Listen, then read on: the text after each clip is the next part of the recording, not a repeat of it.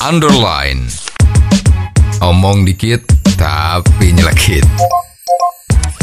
Bersama Om Bob. Temukan di channel YouTube Om Bob Indonesia. Om Bob, Mahkamah Konstitusi membuat putusan yang fenomenal. Kali ini MK memutuskan mantan terpidana yang mencalonkan diri menjadi anggota legislatif selama lima tahun setelah keluar penjara. Bagaimana Om Bob menggarisbawahi masalah ini?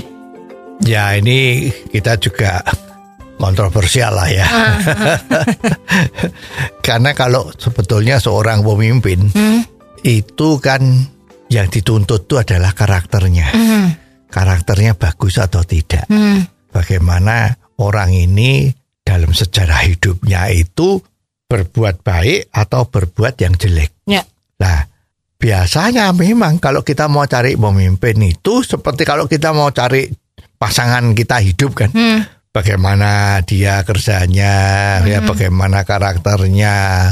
Ya itu kan sama. Nah, sekarang kalau misalnya narapidana, apalagi korupsi. Korupsi itu kan termasuk extraordinary crime. Ya. Ya, kejahatan yang luar biasa dia mementingkan diri sendiri, mengorbankan nasib dari rakyat. Ya ini kok malah cuman diberi batasan lima tahun setelah itu boleh mencalonkan diri jadi pemimpin. Iya, iya. Ya ini kan nggak karuan ya. Betul. Jadi sepertinya kan konsep bahwa seorang pemimpin tuh karakternya, sejarahnya tuh harus bersih. Kenapa kok tidak dilakukan? Ya. Eh, Malah oleh Mahkamah Konstitusi kita ini malah diizinkan. Nah ini yang salah siapa? Iya.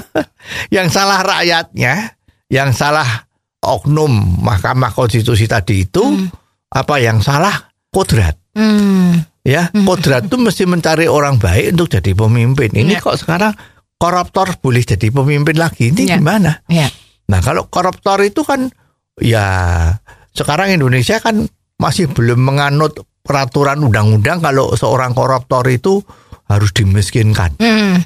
Jadi dia nggak boleh punya harta, hartanya diambil semua, diberikan kepada pemerintah untuk dikembalikan pada rakyat.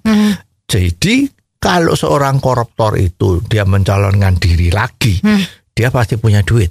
Ya. pasti punya duit. Iya. Lah nanti kalau dia udah jadi pemimpin, duit itu dicari lagi, Iya. korupsi lagi. Ya.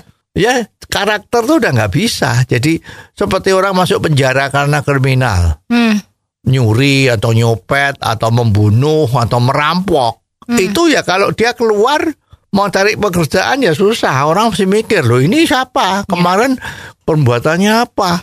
Ya kan pasti orang mikir. Tapi ini sekarang malah disahkan oleh Mahkamah Konstitusi bahwa narapidana koruptor apalagi itu bisa masuk mencalonkan diri lagi untuk dipilih Ya. di dalam pilkada atau pemilu. Ya. Wah ini kan ya gimana ya? Susah domong kan seperti orang bisu kalau makan pare.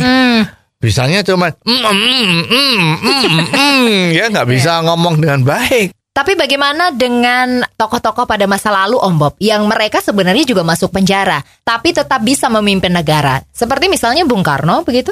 Ya ini perlu dibedakan. Hmm. Orang masuk penjara itu ada dua macam. Kalau dia itu masuk penjara itu sebagai tahanan atau masuk penjara karena politik, itu tidak apa-apa. Hmm. Memang zaman dulu kolonial dan zaman-zaman yang belum demokratis itu, kalau ada orang yang tidak sepaham dengan pemerintah, itu kan ditahan, Ya, masukkan penjara. betul. Bisa dicari alasan macam-macam supaya bisa masuk penjara. Ya, tapi itu kan karena perbedaan pendapat. Bukan karakternya dia adalah maling atau kriminal yang lain. Jadi boleh saja. Jadi sebetulnya kalau tahanan politik itu tidak termasuk yang dilarang untuk ikut pemilu. Jadi eh, perlu dibedakan, jangan terus hantem kromo. Ah, dulu Presiden Soekarno kita itu Bung Karno itu aja masuk penjara dan dia bisa jadi presiden. Masa ini yang korupsi nggak boleh ngajukan dirinya untuk jadi calon pemimpin. Nah ini salah kaprah. Ya, ya. ya, jadi kita kira memang di tempat kita ini banyak sekali yang pejabat-pejabat atau oknum yang salah kaprah ya, sehingga peraturan-peraturan atau karakter-karakter yang seharusnya dijunjung tinggi malah jadi terbalik-balik seperti ini. Ya. Ya kita prihatin ya. Mudah-mudahan ini tidak terjadi lagi. Oh, jadi begitu ya Om Bob. Jelas deh sekarang. Terima kasih Om Bob untuk waktunya. Sampai ketemu lagi di waktu yang akan datang. Underline. Omong dikit tapi nyelekit. Bersama Om